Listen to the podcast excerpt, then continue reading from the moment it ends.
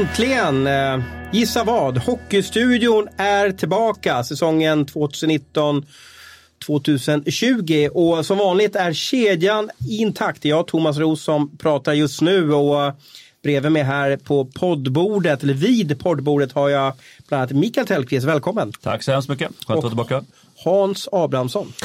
Ja, kombination av ringrost och övertändning. Jag vet inte riktigt var det här slutar. Vi har varit på upptaktsträff du och Abis och då, då liknade de oss med två dopaminstinna kaniner. Att vi var väldigt påslagna och aggressiva. Ja, det kan de väl ha visst, visst poäng i att vi var.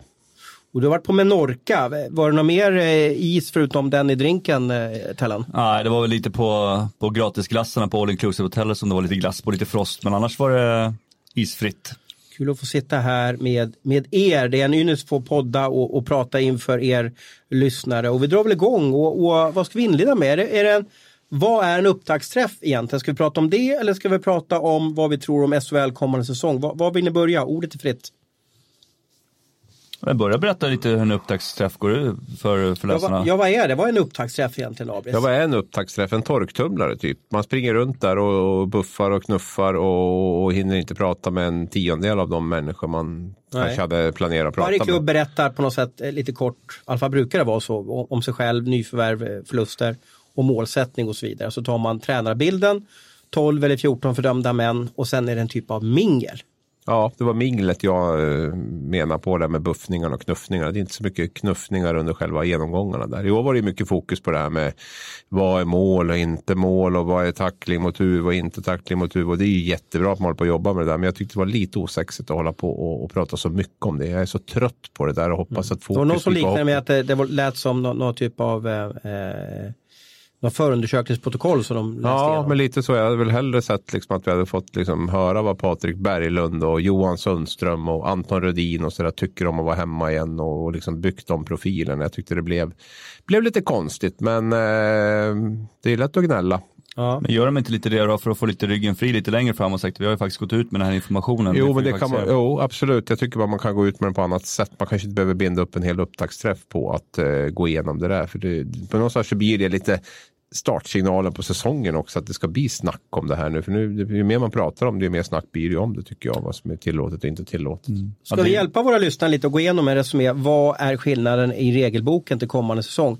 Eh, vi kan väl ta varsin punkt och försöka eh, spela safe. Vi, har, vi läser ju inte till nu utan jag kan inleda med att prata lite om eh, player safety. Det vill säga tandskydd ska man ha och halsskydd kommande säsong. Men det blir inte något två minuters utvisning för det utan linjemännen ska kolla tandskydd och halsskydd inför matcherna ska de ta varsitt lag. Eh, vi får se vad det blir för skillnad. Vi hade en incident i Skola Trophy där det var en Brynäs-spelare, var inte så Abres? Eh, Josef Ingman va? Ja, som var nära. Och... Men jag vet inte, samtidigt är det väl många spelare som är nära hela tiden. Jag vet inte, det hade inte hänt något i alla fall. Men Nej, jag tycker man ser någon incident varje match, att skridskon kommer upp ja. i tacklingar och grejer. Men vad, vad, är det som gäller med halsskyddet då? Är det bara på eller ska det sitta liksom? Det, det ska sitta på och sitta okej okay, och det ska linjemannen eller assisterande domaren kolla inför matchen. Alltså han åker nu gör någon, någon rörelse här med, med huvudet. Han åker och kollar i båset om, om det ser okej okay ut. Ja men de ska inte få straff för det utan det ska bli någon rapport och så ska klubben straffas i efterhand. Nej, eller något sånt här. Jag ja, fattar, det är bara ge två minuter. Har man inte halsskydd ut två minuter. Ja. Men de flesta har ju halsskydd. Det är bara att de har halsskyddet som sitter de under. De töjer ut det och drar det ja. hur långt som helst. Så det blir som en och du är väl ingen med att ha halsskydd eller? Nej, det täcker ju mellan bröstvårtorna tänkte jag säga. Så det, är liksom, det ja. skyddar inte så mycket. När jag och Abrit spelade så, så hade man ju knappt halsskydd. Mm. Vad är det som gör att halsskydd är så obekvämt? Nu har ju du varit målvakt och för dig är det viktigt att ha halsskydd. Men jag, jag förstår inte det här med att klia det så mycket. Eller vad? Jag tror att det är en vanesak bara. Det är som alltihopa. Det är, jag menar, det är som de flesta spelarna spelar ju med galler och sen helt plötsligt börjar man få visir och då ska man helt putta upp gallret eller visiret lite högre också så man ser bättre på helt plötsligt. Så jag tycker det är oklart. Jag tror inte att det är ett större problem. Men eh, idag så. är de ju så smidiga också. Men på den ja. tiden jag hade halsskydd så var det en stor jäkla haklapp liksom, som verkligen var obekväm. Men nu är de ju så smidiga. Sitter oftast i underställströjan eller vad det är mm. för någonting. Och så där. så det, det, är ju bara en sån här tönt grej att inte använda tycker jag. Det Spe speciellt när det går så himla fort nu för tiden också. Det kommer ju upp som sagt var skridskor hela tiden mot halsen och, och grejer. Och man ska hårt in på mål och saker och ting. Så det, det är förr eller senare att det händer igen. Sen har det förändringar på målgården och där har du varit inblandad Tellan i någon typ av gruppering som har diskuterat och analyserat och funderat på vad ska vara mål och vad ska inte vara mål gällande offside och interferens i målgården. Precis, så det som har hänt egentligen är väl att målvakterna har tagit tillbaka målgården i stort sett. Kan man väl säga kort och kort och koncist att målgården är målvaktens. Eh, där får man inte röra målvakten. Eh, det som är annorlunda är väl om målvakten står i målgården och händerna utanför så kommer det dömas mål. Om det inte är en solklar interference, det vill säga att man slashar rakt över armen eller vad som helst. Så till exempel Eh, målet som blev mellan HV och Färjestad i slutspelet där som, som många Färjestad-fans gnällde på och såna grejer, det kommer i år bli mål. Vet du vet vad jag får för bild i, i huvudet nu? Vet, I Frankrike och i Paris då brukar ju då bönderna åka in, de, de pluggar igen hela Paris med traktorer när, om de är besvikna på någon, på någon ökad gödselskatt eller något sånt där. Här ser jag framför mig att målvakten tar på sig utrustning, hjälm och motor och, och, och plock och så har ni står ni med högafflar utanför SHLs kontor och skriker med plakat. Ge oss tillbaka målgården. Trasiga målvaktsklubbor. Man ser farliga ut som gamla Pelle Lindberg-masker bara. Är, är, är ni gnälliga liksom eller? Eh, nej, vi är väl som alla andra. Vi tycker att vi ska få en bra arbetsmiljö att jobba i. Eh, det tycker säkert ni här också eh, på Aftonbladet eller vad det än är. Utan eh, har man varit länge och så då vill man kunna jobba på sig utan att bli skadad. Ja. Eh, och det är inte bara målvakterna, det är målvaktstränare och alla vet hur svårt det är att rekrytera en ny målvakt när de blir skadade. Ja. Eh, kan man, man kan säga målgården, där får, där får målvakten vara, yes. inga utspelare. Och utanför målgården då får man rikta, räkna med att man får en kyss eller någon åker på placken. Ja, om det inte är en interferensutvisning eller hit to the head eller vad det kan vara för någonting. Så det är precis som för utespelarna. Ja. Känns väl vettigt Vabis? Eh, ja, det är i alla fall ett steg framåt, det måste jag säga. För jag har ju haft krupp på de här eh, målen som har dömts bort när liksom, målvakten sträcker ut sin arm två meter utanför målområdet och någon åker på den och så, och så dömer man bort målet. Det är ju... Var det inte något mål som blev bortdömt för att någon andades på målvakten också? Ja, inte omöjligt. Det var väl någon som ramlade våldsamt bakåt där vid en utandning från en utspelare. Det var, det var lite om halsskydd och, och eh, målgården. Vad, vad, hade vi mer som? Ja, vi hade ju den här late hit kommer väl säkert att bli lite diskussioner runt om. Vi ska ju, sen tackling kan man ju också kalla det, men det ska ju vara lite flashigt och heta late hit. Ja, det säger ju crosschecking och allt. Ja, jo, vi gör ju det. Så att, ja, nej, men late hit är ju då ett sätt att få bort de här tjuvsmällarna i efterhand kan vi säga. Att man fullföljer en tackling efter någon har spelat bort, spelat bort pucken. Det var någon som frågade vad är skillnaden på interference och det kunde de inte riktigt svara på. Så att det är väl en en typ av interference men man lägger mer fokus på att man inte får eh, åka runt och tjuvsmälla. Där tycker jag väl också att det återigen så hamnar ju lite den tacklades eh, ansvar i bakgrunden hela tiden. Där jag tycker också att när man har spelat från sig pucken så bör man vara beredd också en, eh, en, en sekund eller till och med två efter man har gjort det för att det kan komma någon. För det, oftast är det svårt att avbryta en, en pågående tackling också. Och det här kan ju handla helt om hur den som blir tacklad, eh, en, en som är förberedd och eh, är beredd efter att spela bort pucken. En sån tackling kan ju kan ju bara kan ju vara hur schysst som helst. Då, men som det är någon som bara viker undan och viker ner blicken så, så kan man åka på lång avstängning. Så att det blir ja, godtyckligt. När jag dömde och när jag spelade hockey så räknade man ju liksom en, två, tre sekunder. Mm. Sen var man inte tacklingsbar. Men nu, nu, jag vet inte om man tagit bort det här med sekunderna, det blir lite godtyckligt det där. Jag är lite orolig för att domarna måste döma, om man säger så. Hänger ni med jag menar? Att mm. det, det, blir, vi har ju även nästa grej där, boxa ut, som blir en förändring då. Ja, precis. Man ska vara hårdare på det här med framförallt man Vad är boxa ut? Alla kanske ja, inte fattat. Tryck, trycka ut då kan man väl säga. Med klubban? Gör ja, så man, kan ju, man kan ju trycka med kroppen eller med klubban. Då. Det man vill ha bort är ju, är ju det här var väl Bert Robertsons käpphäst lite grann. Eller på Skellefteå var ju duktiga på det här i sitt försvarsspel. Um, det, det, det, man vill vara hårdare mot nu är ju, är ju med klubban med båda händerna. Eh, boxa ut på det sättet. Plus då man pratar mycket om det här att man inte ska ha ryggen mot pucken om man förstår vad man menar. Så att eh, man ska inte stå, pucken ska inte ligga bakom backen och så ska han stå och liksom trycka ut den här forwarden med klubban. Och där ska man väl bli hårdare. Och det, är väl, det är väl fint och bra på ett så sätt. Då. Att man är hårdare mot det. Sen får vi se hur, hur det blir att, att bedöma det. Ja, det är, det är många bedömningar för domarna. Ja, det gör mig ja. lite orolig. Ja, och domarna har ju haft tuffare att göra bedömningar på senare år i och med att de låter mycket gå över till kamerorna. Ja, och slagsmål har ju tidigare varit två minuter eller matchstraff, typ. Nu kan man ta två minuter, två plus två eller matcha för att det finns en mer större Ja, förstod du den där om det, så, ja, om det var en så, eh, mildare tolkning av slagsmål eller en grovare tolkning? Jag tolkar det som när linjemännen kommer in, assisterande domarna, oh. då, om man fortsätter då mm. vara arg på varandra, då kommer de döma tufft. Men, men backa linjemän tillbaka och, och lät dem göra upp och, och de behöll handskarna på, ja då kanske de ger två plus två istället för att göra matchstraff. Eh, en annan grej som vi kanske inte har pratat eller så, så, det är den här eh, packouten eller puckerspel. Då. Det ska ju bli nu om, en anf- om ett anfallande lag eh, flippar upp pucken i nätet bakom plexit så ska tekningen ändå bli i anfallszonen. Oj, Så det är en bra grej i Inte slutet av matcherna. utvisning för packout. Nej, nej, nej, nej, det kan det bara bli från egen zon. Jo, jag tänkte liksom Ja, om man, nej, om nej, man så skjuter så, jävla dåligt så som rent, man skjuter i rent nätet. krasst så kan du, om du vill ha in eller få en avblåsning när det är en minut kvar så kan du ta dig över offensiv blålinje, sprätta upp pucken i skyddsnätet bakom mål och då får du en tekning i anfallszon. Kan Ja, byta in dina bli- bästa spelare. Det där ska bli intressant att se Ja. när man har liksom Hur, tänkte man, på. hur tänkte man där? Det pratar de knappt om. Nej, nej. Men jag kan tycka att är man så dålig på att skjuta så ska man nästan ha två minuter utvisning. Ja, snarare det kanske än att man får en tekning med sig. Man kan i alla fall tycka att om man sprätter upp pucken som anfallande lag i anfallszonen så bör man ju tekningen ske i neutral zon. Och Men man kan, kan se man inte lag. se det som ett spelförstörande moment om man, om man gör Jo, det? jo, men de tänker väl att det finns väl ingen som är så dum så de skjuter upp medvetet i anfallszon. Men det kan ju vara ett väldigt bra sätt att få en tekning med en det minut där- kvar och ja, ta ja, ut målvakten och stoppa in sina bästa spelare och ja, lite så. Ja, eller om man leder matchen att, att liksom tidsfördriva. Ja, ja. Det är blir ju ett när man byter in sin Ja, andra målvakt ja, ja. till sist när man inte har slut på timeout och sådana grejer också. Det är ju samma sak. Ja, precis som du säger Thomas, det kan ju vara ett sätt också att- tjäna tid. Menar, Mm. Om du kommer över offensiv blå och så sprättar han i, i och så får du en tekning där nere i. Då lär de ju stoppa in sin målvakt också. Det är så det laget som ska jaga ett mål. Ja, Ibland så kände jag att de ska förändra för att förändra. Sen hur det verkligen blir, ja jag vet inte om det är så viktigt. Men tänk dig alla målgårdsregler. Alltså jag, jag, jag, vet, jag orkar knappt läsa alla förändringar. Man orkar ju inte. Liksom, så. Här sitter jag och gnäller över att SHL förfokar för mycket på, på regler och, och sådana grejer på sin upptakt. Så inleder vi med så här 11-12 minuter eh, regelsnack i Men ska första podden. ska, vi, inte- Fräscht! ska vi inte prata om ändå att SHL är lite på gång i år känns det som. Att det är liksom väldigt många lag som kan vara med och vinna. Det är väldigt många bra spelare som har kommit tillbaka. Det kan vi ju vända här och göra det positivt från och med nu. Ja men det är väl mer. Ska vi avrunda upptaktsträffen då? Vad, vad tyckte du var det hetaste på upptaktsträffen Abis?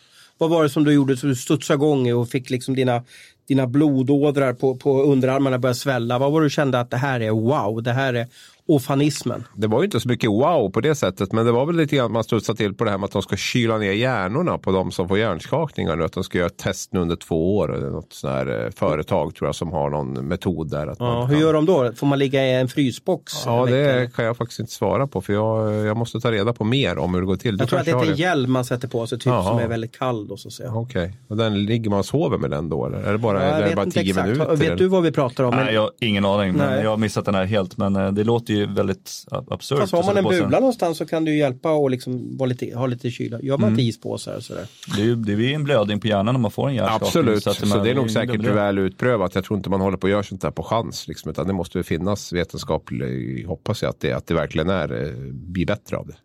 Men du, innan jag vill släppa upptaktsträffen så ju- de tog den här klassiska bilden, 14 fördömda män. Eh, vem tror ni eh, eh, får lämna sitt lag först den här säsongen? Av tränarna tänker jag på då. De tar ju den här tränarbilden utanför, utanför Globen den här gången då, eh, på upptaktsträffen då. Eh, jag, tror att Håkan Åhlund och Oskarshamn får, får sparken först. Jag tänker nog säga, jag tror att, jag tror att Bert Robertsson kommer få det tufft Okej. i Linköping. Jag tror att de har, Tror inte att de vill bygga något nytt och har... ja men jag tror att de testar lite grann nu också. Pajen testar vad, vad han har i, i Bert och ser om han klarar av att vara en, en huvudtränare. Och märker han att eh, ju närmare jul vi kommer att det här funkar inte, då kommer han att dra i bromsen där och försöka hitta någon ny. Då svarar jag eh, Roger Melin i Leksand. Har Leksand kraften att byta tränare? Ja, de brukar väl vara duktiga på det tillsammans med ett gäng andra lag. De har väl inte dragit sig för att sparka tränare tidigare. Både Sju Robert och Marcus Åkerblom och, och, och någon till har ju fått sparken Ja, de senaste Karlsson. åren. Så att Leif Karlsson, precis. Så att, eh, nej, så jag säger väl Roger Melin, ganska höga förväntningar där också. Och, ehm, ja, jag är inte säker på att de får ihop det. Det är om upptaktsträffen. Vi ska göra precis som Tellan inne på. Vi ska ja, släppa ut pucken till hur SHL kommer se ut den här säsongen. Och, och Abris, du och jag har tippat, det har vi sett i vår bibel, Hockeybibeln som kom ut idag i handen. Den finns i handen till, Två veckor, 23 september hörde jag. så skynda på, ut och fynda. Men det man undrar på nu det är ju hur, hur vår eh, stortyckare, Tellan, vad, vad, vad tror du? Vilket lag vinner guld? Ja, det är lätt att säga Frölunda, men jag tänker säga, jag tror att efter semifinalsförlusten förra året mot Djurgården så tror jag att Färjestad är redo att ta nästa steg i år. Vi, Faktiskt. vi hade en sån där, vi ställde tuffa frågor, jag försökte leka skjutjärnsjournalist till Abris. Och då sa vi till eh, Penneborn, tränare för Färjestad, att du befogar över ett bra grundserielag men inget bra slutspelslag. Mm.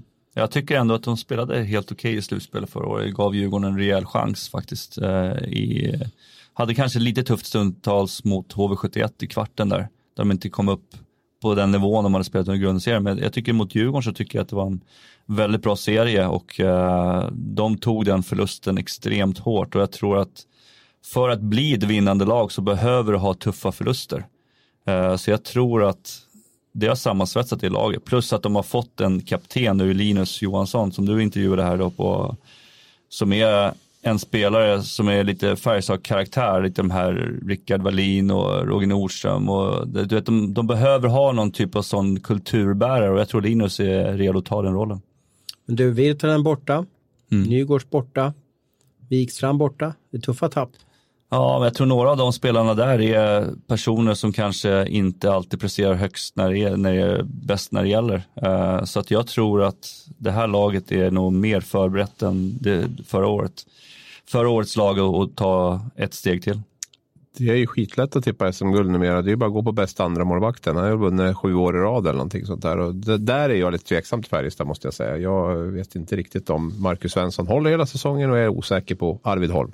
Jag tycker han har sett bra ut när jag har sett honom spela det här några matcher nu i Champions Hockey League. Jag tycker han ser lugn ut uh, för att vara så pass ung och sådana grejer. Så att, jag vet att han har bra mentor också i, i Mackan också. Han brukar ta sina målvakter under, under sina vingar och lära, lära upp dem på ett bra sätt. Och, uh, jag tycker att, nu tappade jag namnet här på målvakten som var förra året.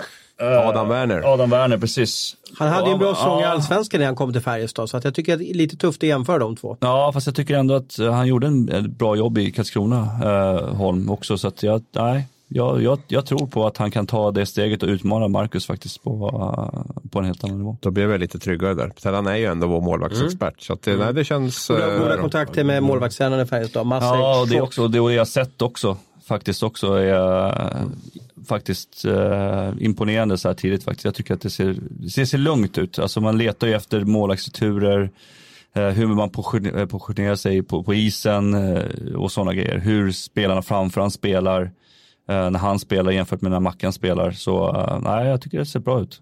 Jag har ju varit runt lite till klubbar och jag, jag blev lite imponerad eller lite kärlekskrank om man får säga det när jag var i Karlstad för att ganska fina värderingar över den här föreningen. De har mm. bland annat en app då där de skulle försöka mäta spelares, eh, spelarnas och ledarnas välbefinnande. Varje morgon så svarar man i appen hur man har sovit, man svarar efter en träning hur man mår, hur man känner sig. Det, det kändes som att de är den klubben som har kommit längst till att liksom fånga upp hur mår människan bakom hockeyspelen. Mm. Och det tycker jag är imponerande. De har väldigt många sådana här föreläsningar, det är vet du, huskurage och Gudans moster som, som kommer dit och talar om liksom hur man ska vara och hur man ska bete sig också. Så jag tycker att det är väldigt fina värdegrunder i, i Färjestad som du säger. Uh, jag tror man kan komma långt på det. Vi är ju en kvällstidningspodd här och guld är en sak Tellan, men, men eh, vi älskar ju också att kika lite på de som kommer hamna i negativt kval. Vilka lag tror du hamnar på plats 13 och 14 i SHL? Det blir lite mer spets i den frågan. Ja, det är väl tråkigt att svara. Oskarshamn, Leksand, jag tror Linköping och Örebro kan vara där nere också. Uh, så att vi har väl fyra lag som jag tror kommer bli lite avhängda tyvärr. Uh, är det, det för att de är nykomlingar eller, är det liksom, eller hur baserar du det? När, om vi tänker på, på Oskarshamn så har de väl haft en mer eller mindre väldigt stökig eh, sista, sista månad, sista veckor här eh, inför säsongen kommer och jag kan bara tänka mig hur rörigt det är, även fast nu sportchefen kommer ut och säger att det är tryout-kontrakt och sådana grejer. Men eh, som spelare så vill man ju jobba på saker och ting. Man vill jobba på sitt powerplay, man vill känna sig trygg i det när man går in i en serie. Inte vara orolig för att vem, vilken typ av spelare kommer in nu. Uh, powerplay, boxplay handlar mycket om personkemi också, att man lär, lär, uh, lär känna sina, sina lagkamrater också. Vad är det för typ av spelare som kommer in? Så att uh, de har lite, har lite att jobba på där. Men du har ju varit med många, många år i omklädningsrum. Eh, hur mår gruppen när, när de har säkert varit på teambuilding i sommar, mm. försökt att få ihop det här och så vips försvinner fyra spelare. Mm. Lite, Innan först pucken är släppt i SHL. Det, det, är lite, det blir lite Kalle stämpel är fel uttryck, men det blir ändå liksom ett, en, en, en, eh, lite skämt, skämtsamt attityd. Jaha, vem är det som ska få sparken nästa gång då ungefär? Lite, lite grann så. Man vill gå in med ett lag och, och spela med det laget i alla fall en 5, 10, 15 omgångar och sen känna efter om det inte funkar eller inte. Men är så det... Jag tycker man ska vara noggrannare med vilka spelare man tar in och då kanske även testa de spelarna tidigare till och med. Är det för att skrämma övriga spelare att jäklar, nu måste jag Oskarshamn har ju en speciell spelstil, alla måste följa mönstret, det är stenhårt arbete och så vidare. Men är det för att skrämma resten av, av medlemmarna i spelartruppen att ge järnet, annars är det du som ryker? Nej, jag tror bara att man har haft väldigt dålig koll på de spelarna man har plockat in. Dålig eh, rekrytering? Eh, dålig rekrytering får jag en känsla av. Eh, jag tror inte att man har råd som nykomling att göra för många dåliga rekryteringar. Eh, jag menar, det är bara att titta på det laget som de har nu. Alla måste ju överprestera mer eller mindre. Målvakterna måste stå på huvudet varje match. Och får man då inte ett lugn redan från start, att du är redan stressad redan från starten, så tror jag att det kan, det kan bli jobbigt. Det kan det bli. Jag hoppas att de kan ge alla lag en riktigt bra chans, för det är, det är inget kul att man får ett strykgäng i SHL. Eh, jag hoppas att jag får checka upp mina ord här, men just som det ser ut nu så det är ingen bra känsla i alla fall. Nej, nykomlingar brukar ju ha det tufft också. Och spelarbudgeten AB, vad sa de, 28 miljoner? 28 miljoner ja. Han skröt nästan om det kändes som. Ja, jag vet inte om den har blivit lite, lite mer än det nu då när de har, um, har gjort de här rockaderna som de har gjort på slutet. Eller om de har um, bränt det lilla de hade kvar och kanske kunna göra den under säsongen. Jag vet inte. Men, men ja, 28 miljoner har de ju gått ut med. Då. Snittlönen ska vi säga, då, snittbudgeten i SHL ligger på 42. Mm. Och topplagen har 52. Mm. Mm. Vilka lag tror du hamnar längst ner? Nej, jag är lika tråkig jag. Så att jag, jag, jag har eh, Oskarshamn och Leksand längst ner eh, i den ordningen. Oskarshamn 14, Leksand 13. Jag är ju inte bättre jag, men är, säger man så här, är de är nykomlingar, man, man, är det att man vågar inte sticka ut och tro på att Malmö kommer eh, botten eller, eller försöker man bara göra en trovärdig bedömning? Ja, men det är väl en kombination där av något. Det är väl en sorts trovärdig bedömning och samtidigt så, så ja, oddsen på att man har eh, rätt är ju ganska höga där. Det, det är ändå de ska ändå förbi ett eller två lag för, för att klara av. Så då, då är frågan vilka ska de passera? Vilka är det som kommer att, att krisa som de kommer att, att kunna vara bättre än? Och då är ju, fastnar jag lite grann i Örebro och Linköping som jag tror kommer att vara där nere men som jag också tror är inställda på att de kommer att vara där nere och kommer att vara den typen av lag som kommer att kriga. Eh, och då tror jag faktiskt att deras rutin från SHL och liksom lite hårdhet och så kommer att ta ut sin rätta. Sen tycker jag att både Linköping och Örebro har ganska intressanta tränarstaber. Och eh, det är ju en sak som jag brinner för och tycker har man fått bra utdelning på i SHL. Att eh, har man bra tränarstaber så, så eh, ger det ganska bra valuta. Plus att de kan ju eventuellt plocka in lite extra pengar också, båda de lagen, om det skulle behöva krisa ihop sig helt och hållet för att klara sig. Så att, vilket kanske Oskarshamn inte har. Nej, och ha erfarenheten också att vara ute och leta de spelarna. Man säger mycket om Niklas Johansson som sportchef i Örebro, men viss rutin har han på att vara ute och leta spelare under säsong och sådär. Mm. Så, att, eh, så det tror jag också att det är lite, lite lättare att hitta och, och veta vilka fallgropar man inte ska gå i när man, när man är ute i sista minuten-värvningar. Där. Så att, Nej, de, de, har ändå varit med de här lagen som vi pratar om. Örebro har 5-6 SHL-säsonger nu liksom, och Linköping har ju varit där i hela 2000-talet. Så att de, det här är ju klubbar som, eh, som är erfarna på den här nivån. Det är tufft också för Leksand och Oskarshamn för de blir av med 5-6 miljoner i, i eh, ligabidrag som de får ge till det laget som de slog ut. Alltså Oskarshamn får ge det till Timrå, Leksand får ge det Mora. Och sedan så eh, har ju då egna kapitalskraven ökat år för år så man ska ju ha 4 eller 6 miljoner nästa år på banken och det gör ju att det det blir en tufft ekonomiskt spel också. Man mm. bara, ska inte bara värva ihop ett lag utan du ska till att det, allting går plus också och ganska stort plus också. Mm.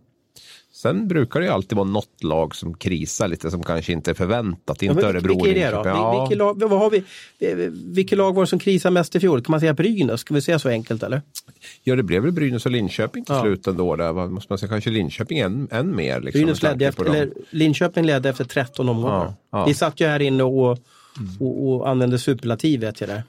Och det blir ju väldigt stressigt i de klubbar som kanske har förväntat sig att vara med på slutspelsplats och, och sen när det börjar krisa. Så då, där är ju nästan chansen större för, för att komma ikapp en sån klubb än, än vad det är med, med de här så, som är tippade 11-12 kanske i, i många förhandstips. Eh, ja, vilken, vilka är det lagen? Vilken blir årets Brynäs eller säsongens Brynäs?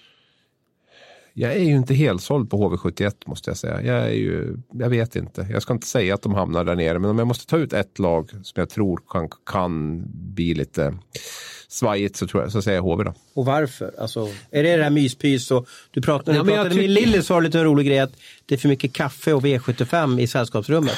Ja, jag är ju inte där så mycket. Det, var, det är väl liksom en liten generalisering på något sätt. Men jag, jag tycker att HV, dels har man stora förväntningar på deras klubb. Man, vi, vi är liksom, ja, de har alltid varit bra under den tid vi har jobbat på Aftonbladet förutom de senaste 7-8 åren. Men man har höga förväntningar där. Jag tycker att de har mycket pengar att handla för. Jag tycker kanske att de har lite svårt att få ihop den där mixen på liksom det här lite unga, fräscha, driviga och, och eh, lite äldre. Utan Jag tycker man gör lite dyra, lite så här eh, svenska eh, random spelarvärvningar som jag inte är superimponerad av.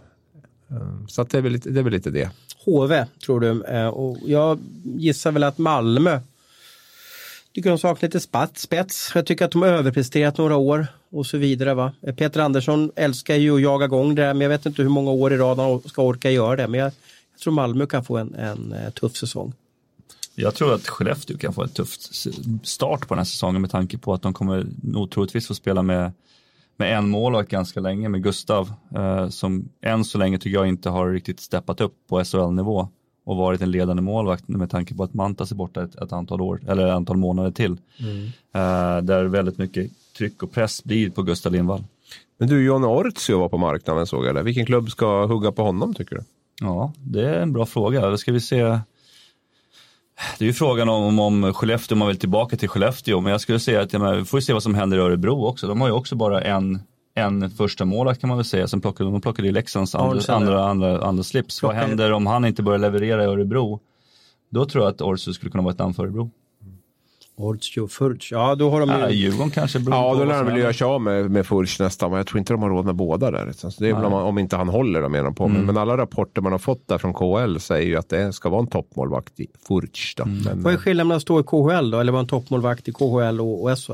Alltså K- KL är ju mer defensivt inriktad, det är ju mer eh, på så vis. Visst, man boxar ut väldigt mycket i SHL också, men det är väldigt mycket mer tuta och köra. Okej. I, i, inte så mycket hjärna i, i SHL. Det är mer liksom bara fram och tillbaka och Skickligheten är väl större i KHL? Ja, det är det definitivt. Men det är lättare att, läsa spelet skulle jag säga i, i KHL än vad det är i SHL. Det känns som att mycket händer liksom inte av en anledning utan det är mer liksom, det bara blir liksom. men hur, hur, vilka målvakter gynnas av SHL då? För jag kan tänka mig om du har bra spelsinne så kan du läsa spelet bättre i KL. Kan man säga så eller? Mm, precis. Vilka målvakter är det? de här blockmålvakterna? Typ Stora? Ja, jättehusen. du ser ju du, det, målvakter som, som Lassinantti till exempel. Eh, han har ju inte liksom fått chansen internationellt. Finns det en anledning för det? Eh, det är ett typexempel som jag ser som en typiskt bra SHL-målvakt. Jag har Rautio i samma, nu är de i samma lag.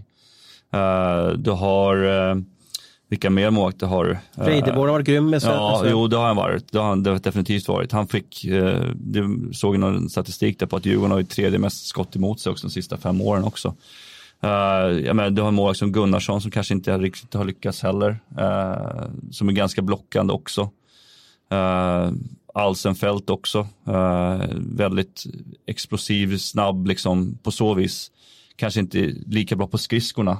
Men han hamnar ofta i ytterlägen och sådana grejer. Gör väldigt spektakulära räddningar på grund av att han gör reflexräddningar. Så det är väl några exempel på, på målvakter som, som kanske inte har lyckats internationellt men eh, i SHL så går det bra. Jocke Eriksson, Brynäs också. De skulle du säga liksom följer ett visst mönster och därför passar bra i, Ja, i i- SHL. i att de har SHL, lite, precis. lite liknande spelstilar. Mm, bra tugg, vi fick in lite målvakter eh, även i den här podden. I- i- ja, det jag tycker upplever som en stor, stor eh, snackis, det är ju det här med Dick Axelsson. Alltså att han inte har någon klubb. Han jobbar Mm. på SVT nu, på US Open en sväng där och, och haft det mysigt. Kan han verkligen hoppa igång igen till SHL? Är SHL så dåligt som att man är knappt behöver träna försäsong så kan man komma in till SHL? Alltså funkar det så?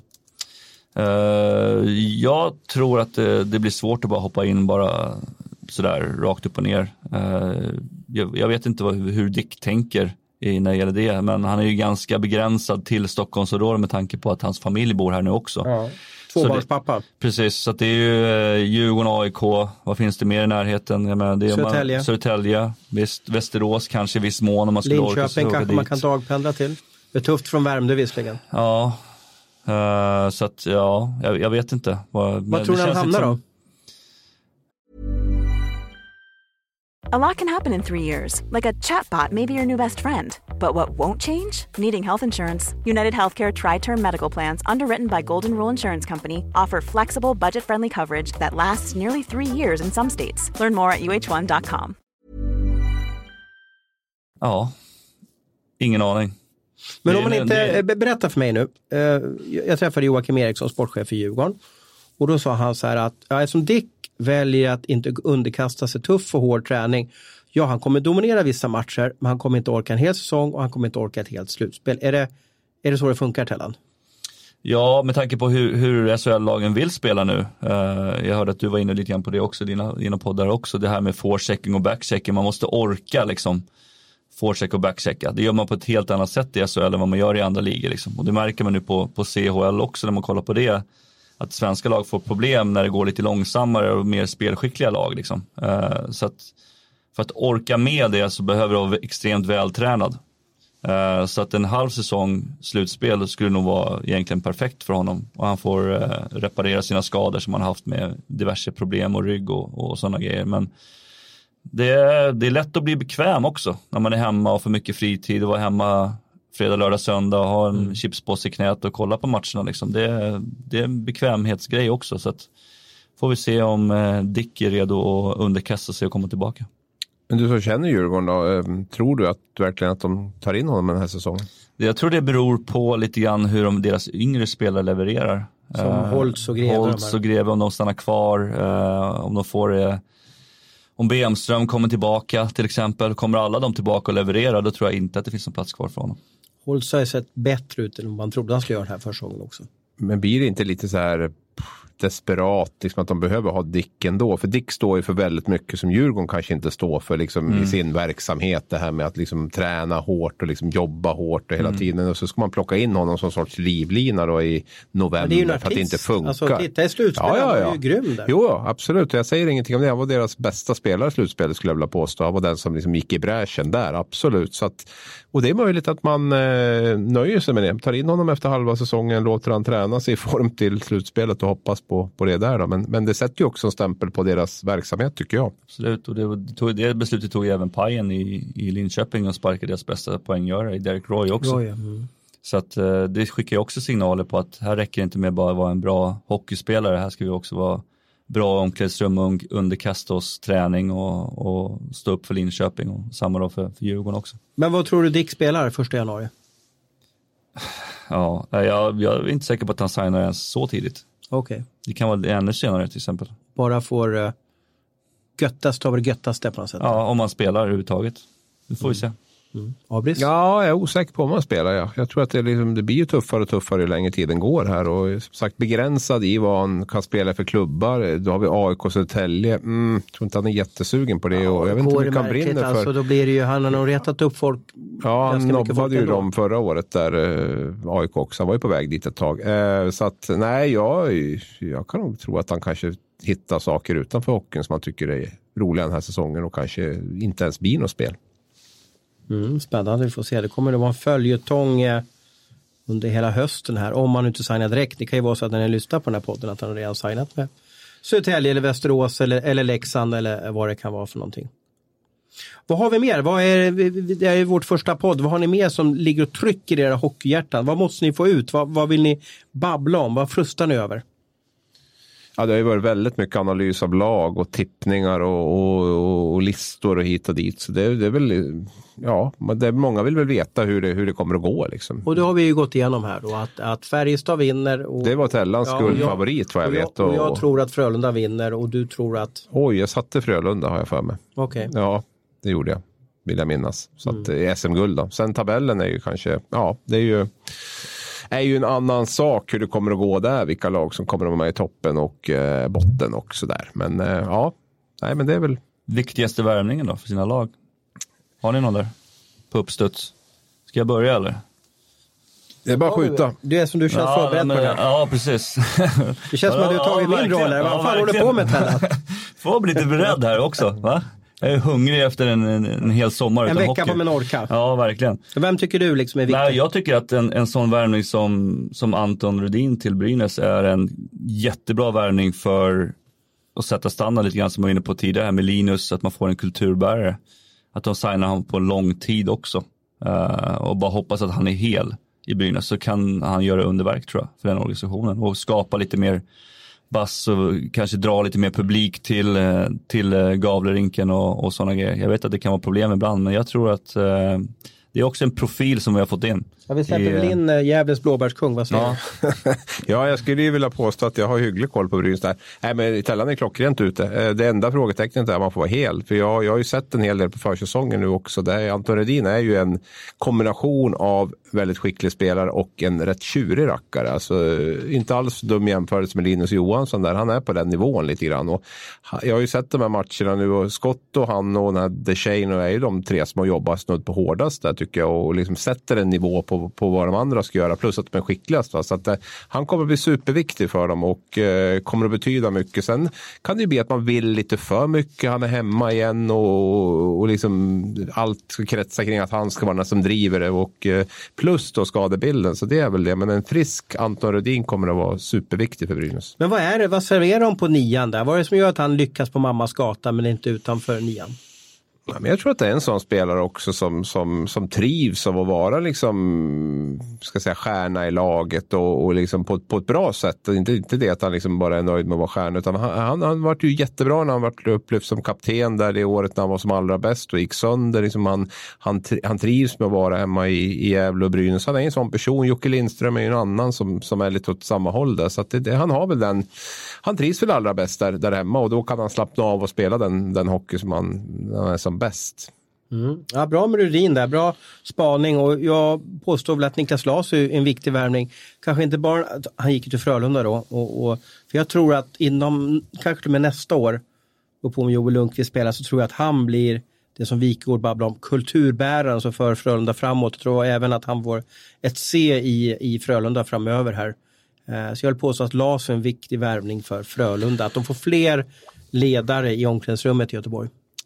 Ja, jag måste ändå säga Patrik Berglund, eh, Djurgården där. Eh, samma som Rudin, han måste ju vara skadefri naturligtvis. Men, men skulle han gå den här säsongen och, och vara hel så är ju det en spelare som jag definitivt eh, tror kan lyfta Djurgården till ett SM-guld. För att eh, han är bra på riktigt. Liksom.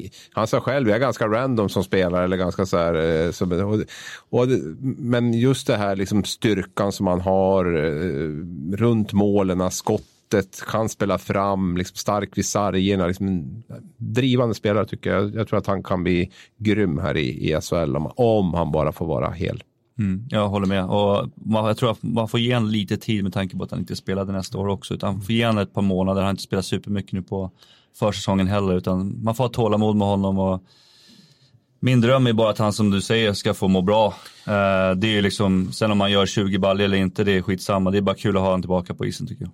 Han var ju intervjuad där på, på upptaktsträffen nu. Var, Mm, Jag fick lite gåshud när han pratade Ja, faktiskt. jag också. Sen är ju alltid, sen har man ju lärt sig att det finns ju mycket spel för galleriet och det ena med det Så andra. jag tyckte han var bra. så Nej, jag håller ärlig. med dig. Ja. Det var det jag, det jag komma. Det kändes verkligen så ärligt. Han tycker att det är skitkul att spela hockey igen och, och liksom, det är ju, det är mycket värt. Jo, Alltså. men han satt ju på sin kammare också och funderade lite på vad vill jag? Mm. Och, och då sa han till slut, ja men ju mer han funderar på desto mer kändes Djurgården rätt. Då gick han, han ville ha mer pengar, han kunde gått till KHL och, och kanske ja. tillbaka till NHL och Schweiz och så vidare. Men han, han tyckte att det är lagom pendlingsavstånd. Jag kan gissa att han tycker Djurgården är, är coolt med kanske publiken och så vidare. Och så vet han att i Stockholm han, in, han blir inte igenkänd där på något sätt. Han, han behöver inte, hade han varit i Västerås så hade det blivit som att han, han skulle vara frälsare för hela, hela klubben där. Vad, fyll i Thailand, du som varit spelare själv. Eh, Tänker jag rätt eller, eller hur? Eh, Han har ju mått dåligt och du jobbar ju med ohälsa vid sidan av hockeyn här. Vad, vad, vad tror du är bra för honom och vad tror, hur ska han tänka? Nej, jag tror att du sätter huvudet på spiken här. Eh, Det är svårare att spela i mindre orter, typ Leksand, Modo där jag varit eller Gävle eller vad som helst. För folk känner igen en var man än går. Går du och handlar på ICA Maxi eller vad som helst eh, så känner folk igen dig och det blir mycket frågor och, och saker och ting som du alltid måste stå till svars för. är du i en större stad så kan du faktiskt hålla dig borta ganska mycket. Eh, det finns många andra sporter i den här staden, det finns många andra lag. Ja, han åker är- hem också. behöver Ja, inte. nej precis. Så att det är en annan sak. Så att han behöver inte ens stå till svars för sådana grejer. Utan eh, jag, jag tycker att det är helt rätt. Eh, helt rätt val, inte bara för att jag är djurgårdare. Men jag tror att speciellt när han säger sådana grejer på uppdragsräkningen också. Det är lite varningsklockor från de andra lagen också tror jag i SHL. Och, och känna att här kommer en taggad Patrik Berglund in i SHL. Men visst ska han bo i Stockholm? Vet inte. Det är det jag har hört i alla fall. Okej, lägenhet här Ja. Det är det jag har hört. Men det får vi väl pendla. kolla. Men, eh, du verkar så säker på saken så jag backade direkt. Han, där. han, kanske jag har råd, han kanske har råd med två boenden. Hyr han ditt boende eller? Nej, Sitter det du i Leksand? men men, han men, men eh, jag jag- blir säkert att han kanske tar en övernattningslägenhet här ibland. Ja. Men jag tror väl om de tränar 10 till 11 och det är klart han drar hem så att säga. Det är ju en timme hem då. Han kan nog köpa en fyra på Östermalm på, som övernattningslägenhet. Jo Så men jag tror har han vill vara nära sin familj. Alltså, tror du, det känns som att han har backat bandet lite där och vill, vill ge dem lite tid också. Ja, jag hörde bara att han skulle bo, ha någon lägenhet i alla fall här i Stockholm. Ja, det, är, eh, det jag vet att Djurgården är väldigt stolta över den här värvningen. För det, det var en signal till övriga hockeyklubbar som är där uppe, Färjestad, Frölunda, Växjö, att Patrik valde Djurgården. Det var ett statement som skickades ut från, från eh, Gullmarsplan. Absolut. Ja, men det var, tror han håller den här säsongen då? Jag är, jag är osäker lite grann på det då faktiskt. Eh, Ja, jo, nej, men det är, alltså, han kan ju vara borta i ett gäng matcher så, det gör inte så mycket. Men han får inte bli så här Josefsson Engqvist skadad som det var förra året, utan så lite längre period. Utan det, fyra, fem matcher kan han ju missa och sådär. Det, det, det kan han, men ja, jag, jag hoppas att den här goda psykiska hälsan liksom hjälper honom även att vara fysiskt bra. Så att, eh, om inget oförutsett händer, det är ändå betydligt mindre slitage. Det vet väl du bättre Tellan i SHL än vad det är i NHL liksom med, med eh, Och KHL också, det är 30 mycket matcher. Ja, exakt. Så att jag tror att han kommer säkert få ledigt någon match för att liksom hålla kroppen fräsch. Jag, jag, jag säger att han kommer att klara det. Och halsfluss får man alltid på Hovet. Det är så jävla mycket damm överallt. Så Det är så. fan, och i början av säsongen också. Ja, det, När jag har åkt runt nu, jag tycker alla har hostat som jag har pratat med. ja. Ja, Ja, är det det har en hals, halsflussarena, Hovet alltså. ja, det är det. Jo, men mycket det är- damm och det är ja, mycket skit. my- mycket mögel det tycker jag att det är. Ja, gudans moster. Ja. Så är det. Är man inte van med det, det är som att ha småbarn första gången man får småbarn, då får man alla sjukdomar. Första gången man kommer in på Hovet så blir man sjuk. Och när vi bara pratar om lite hovet lite snabbt, ni har väl sett att eh, det, nya Globen drar ut på tiden så att eh, AIK och Djurgården får nog räkna med att vara kvar på hovet några år till då med, med, med, det som, med, med allt vad det innebär. Nu ska vi bygga om alla plastplaner nu som finns runt om i hela Stockholm också. Man får inte använda den plasten längre så det är väl någonting där. Säger jag med Tråkigt. bitter, bitterhet. Tråkigt. Vem vinner eh, skytteligan då? då? Flög den på mig? Ja, Skytteligan eller poängligan? Poängligan säger vi. Brian. Lash. Brian Lash. Ja. Också tråkigt svar. ja, jättetråkigt. Ja. Men du vill, ska jag svara fel då? Nej, nej, du ska svara som du, eh, du ska svara så som du tycker. Som, som Rosa svarar ska Ja, svara. Då den, den kom ju som vanligt helt på uppstuds så då är det ett bra, bra val. Ja, han blev ju också tokhyllad på upptaktsträffen där av, av eh, att de tyckte att han hade det, där, det lilla extra som, som liksom ingen har. Då. Men Nej. Rönnberg var inne på att de ha fler som, som eh, hoppade fram som, som, som eh, Ryan Lash då. Eh, eh, Vem tror Tellan då? Jag säger Tyrväinen. Jaha, Oh, det var en högoddsare. Johanni. Ja, precis. En av Mm. eh, Luleås eh, två VM-värvningar. Iljumäki heter den andra var med. Ja. Arto. Arto Iljumäki. Eh, Och jag säger väl, jag tar väl ditt namn, men jag tror Rudin. Jag tror den där kedjan med, Mm. hur uttalar han nummer åtta i, i Brynäs sitt namn? DeShano. DeShano. DeShano. DeShano. Jadon DeShano. Är det korrekt Tellan, du som har bott där? DeShano. Fransk-kanadensiska är inte min grej. Det känns som att det är fransk-kanadensiskt namn. Jag har faktiskt eh, hört honom uttala sitt eget namn. Och eh, DeShano vill många säga, men han säger själv att man ska säga DeShano. Det låter mer amerik- alltså kanadensiskt i alla fall. Ja, han kanske inte vill ha någon fransk. Eh, han, han kanske vill eh, liksom göra sig lite fri från sin franska stämpel. Jag tror ju att Rudin vinner på grund av det- Mm. att den här kedjan går så bra med skott och, och vad heter han nu? Jadon DeShano. Exakt, jag tror de där tre kommer hit ha riktig lekstuga den här säsongen. Sen beror det på hur kanske Brynäs går, men, men får han vara frisk, jag tycker han levererar hela tiden och försäsongen har ju sett Vann han interna poängligan på försäsongen i Brynäs? Eh, Rudin? Ja. Nej, det gjorde han väl inte. va? Han var ju borta två, tre matcher där. Så jag tror nog att det kan vara på skott kanske. Eller, ja, jag vet inte. Mm. Men Jag här ska har inte vi- säga det osagt. Ja, jag ska låta det osagt. Men det var i alla fall, han var borta två matcher i alla fall. Tror jag. Djurgården och en till har jag för mig. Så jag undrar om han Men kom upp. försäsongen, det här tog vi förra året redan. Ja. Försäsongen, det var ju någon i Växjö som, som gick jättebra. Ja, herregud. Ortega, ja. precis. Fy fan vad jag gjorde bort mig alltså. Oj, oj, oj. Var det så? Det har jag glömt bort. Jag sa ju att Ortega skulle vinna poängligan. Ja, ja. Som en elefant, jag glömmer inte sådana grejer. Nej, nej, nej. Bara när jag är mina egna Eh, misstag. nej, jag har sett eh, Brynäs faktiskt för rätt många matcher på försäsongen och den kedjan har varit grym. Och eh, Skott har ingen KL-plåga som det ser ut och DeShano är bra värvning och Rödin, ja är han hel så är han ju bra. Så de, de blir nog bra. Det är en, ingen dum gissning.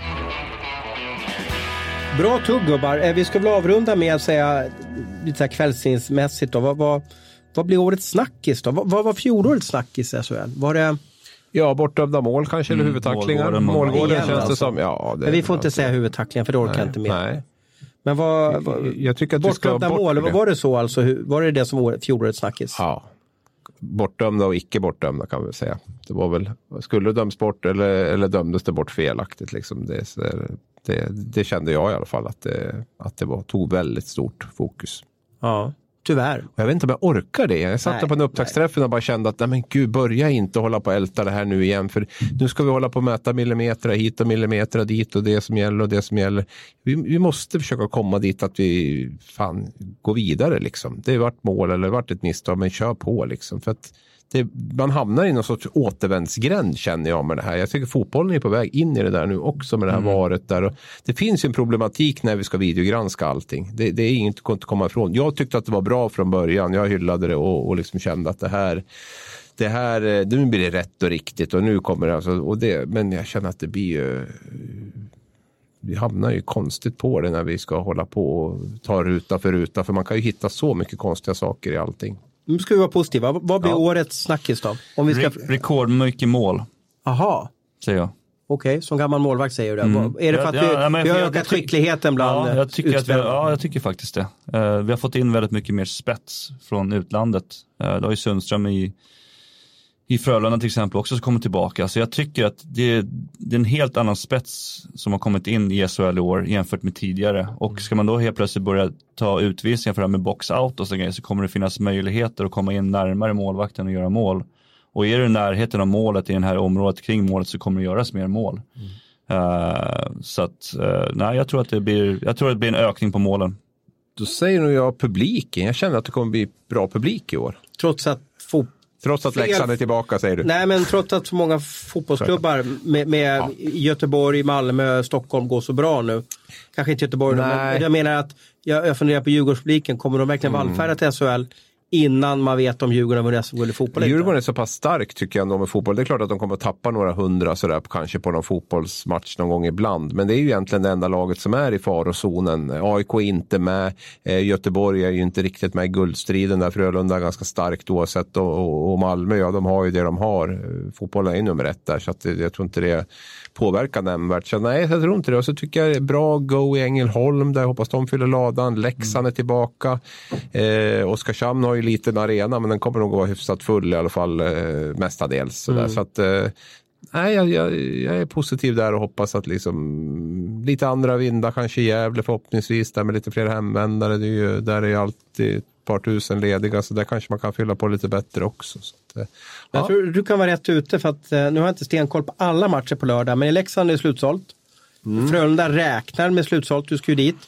Eh, Djurgården borde kunna sälja ut sin lada på, på en lördag klockan sex också.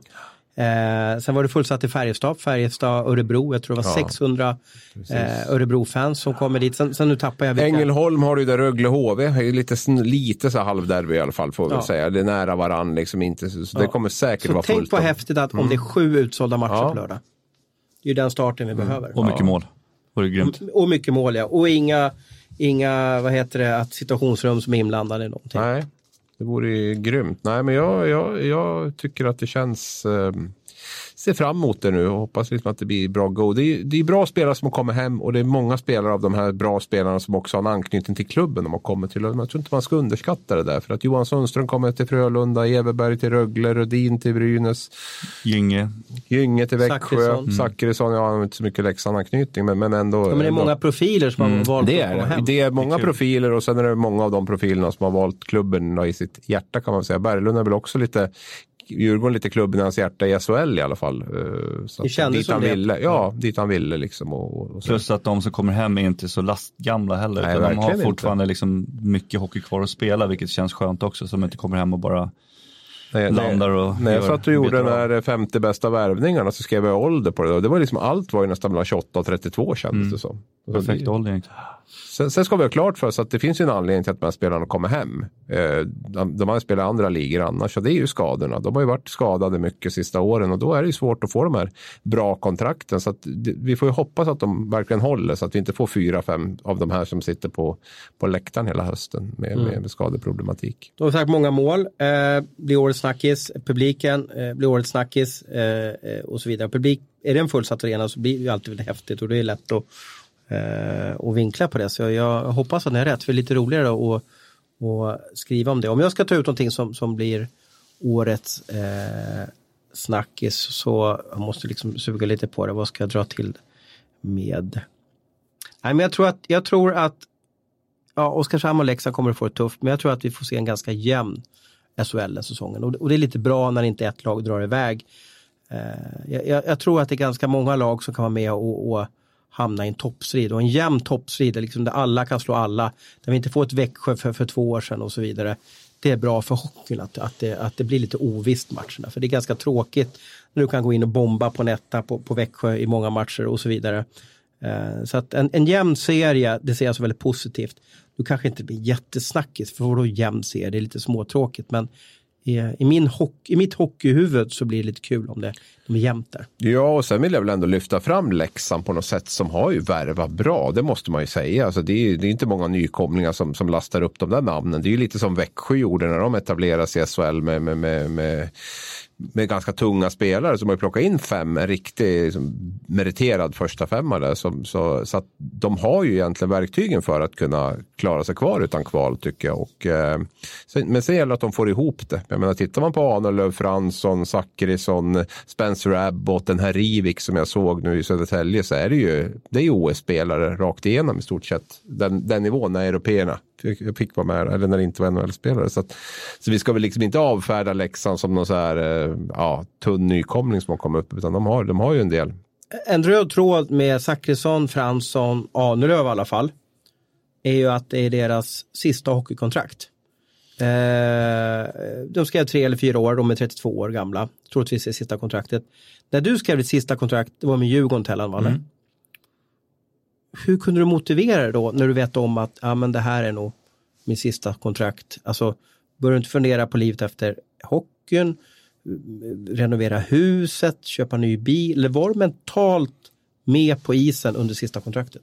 Ja, Det fram till sista en och en halv månaden nu. Då, bör, då började du. Då började jag liksom, för jag tror att varje hockeyspelare vill avsluta så pass bra som möjligt för att man vill, prosit, vill komma tillbaka eller bli ihågkommen som en bra hockeyspelare. Det värsta tror jag som en hockeyspelare kan göra är att avsluta och komma, ja, kommer ihåg den här spelaren, han var lite halvmedioker, även fast man haft en bra Men jag karriär. tycker så många spelare, och nu, är det ju, nu kommer jag dra fram ikoner här, men jag vet att Johan Davidsson sista året där, jag, jag skämdes nästan för jag, han var så fantastiskt duktig. Man hade Mm. svårt att hamna i fjärdekedjan. Fredrik Bremberg hade också tufft på slutet. Men nu är de några år äldre också. Va? David Davidsson och Bremberg var väl uppåt liksom 36-37. Mm. De här är ju 32-33 någonstans där nu fortfarande. Sen, sen vet jag inte hur det spelar in, men jag kan ju tänka mig om man nu har liksom tagit familjen dit, skrivit fyraårskontrakt. Är man väl ganska sugen. Så brinner man inte lite extra för att det ändå ska få vara kvar där de där tre, fyra åren? Att klubben ska hålla sig kvar? Mm, absolut. Jag men vet det, inte. Det, Det är ju en, det är en inre stolthet också. Det är ju värre snarare till exempel som för, för Johan Harjo som nästan tvingas lägga av om inte han ska flytta alltihopa och allihopa från, från Luleå. Eh, som har spelat i Luleå i väldigt många år och har Luleå har bärt han sköldar med stolthet och helt plötsligt så säger de att du är inte välkommen längre för att vi, du passar inte in i vårt spelsystem. Uh, den är ju mycket värre liksom. För han vill ju säkert fortfarande spela. Han tappar väl farten, eller har tappat farten, spänsten. Ja, han, han spelar väl inte på det sättet som Bulan de vill att han ska spela, liksom sticka in näsan i vissa situationer. Liksom, eh, Nej, och ganska dyr spelare också. Då, sett till, till, alltså han hade ett ganska bra kontrakt som man, som man skrev också. Så det, nu det, tror inte att han skulle kunna ta lägre lön då för, för att få stanna bara än att ta Det tror jag säkert. Sen är ju alltid frågan om hur lågt de, de, skulle gå på honom. Och det tror jag var någonting, eller det vet jag att det var någonting de diskuterade i Luleå. Hur, hur liksom lågt de skulle liksom kunna ge honom utan att det var liksom förnedrande. Och någonstans så hittade de väl på att det var, att det var liksom det de kunde erbjuda var så lågt så att det var liksom inte, det var inte värdigt att, att, att ge honom det. Mm. Den trupp de hade. Nej. Sen finns det ju andra möjligheter att ge, man kan ju ge en, ett lågt kontrakt med en möjlighet i efterhand att stanna kvar i organisationen. Det finns ju många sätt att göra det på kan jag tycka. Absolut. Bra tugg. Eh, eh, som sagt så ska vi hålla oss på eh, runt en timme. Man ska springa en mil och lyssna på, på den här podden. Och du måste springa många millöpningar i sommar, Abis. Hur mycket har du gått ner i vikt? Ja. Jag gick, hur mycket gick jag upp förra säsongen ska du ja, fråga Hur mycket gick ner i somras då? Vem ja, går ner i vikt på upp. sommaren? Ja, men det, ja, det blev så. Ja, jag går ju upp i vikt på vintern istället för då sitter jag för mycket still och, och äter för dålig mat och sånt där. Så det vart väl en fem kilo i alla fall. Okay. och vad springer då. du milen på nu då? Oj, jag springer aldrig så långt. Jag springer nog 7-8 kilometer som mest. Men kanske jag håller mig runt fem minuter per kilometer i alla fall. Då. Ja. Jag, inte så, jag tar inte så mycket tid längre, men jag brukar väl eh, klocka in där någonstans på runt fem minuter per kilometer. Ja, just det. Du hinner inte lyssna färdigt på den här podden, utan då får du, då får du dela upp den på två löpningar. Ja, jag lyssnar så sällan på den här podden när jag, lyssnar på den duschen. När jag springer. Ja. Men det är kul att vara igång. Nu eh, rullar vi på och vi kommer fortsätta att servera poddar veckovis under säsongen och uh, ni hittar oss på, på, på, sociala medier. Vi finns på bland annat på Twitter. Så skriv vad ni tycker om oss så ska vi försöka göra er nöjda i framtiden. Ha en jättetrevlig dag nu.